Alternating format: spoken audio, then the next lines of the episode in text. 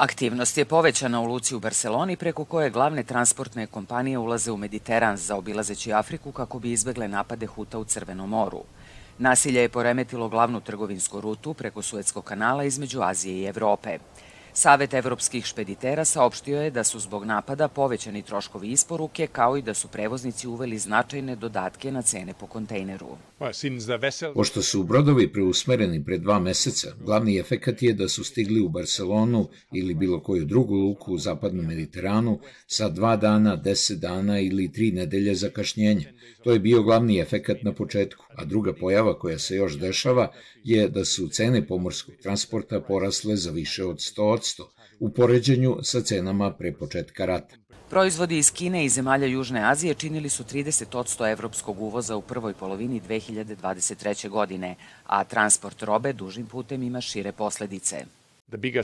Najveći trgovinski partner Evrope je Azija, tako da sve što konzumiramo ili delimično ili potpuno prolazi kroz Suetski kanal, tako da su svi sektori pogođeni.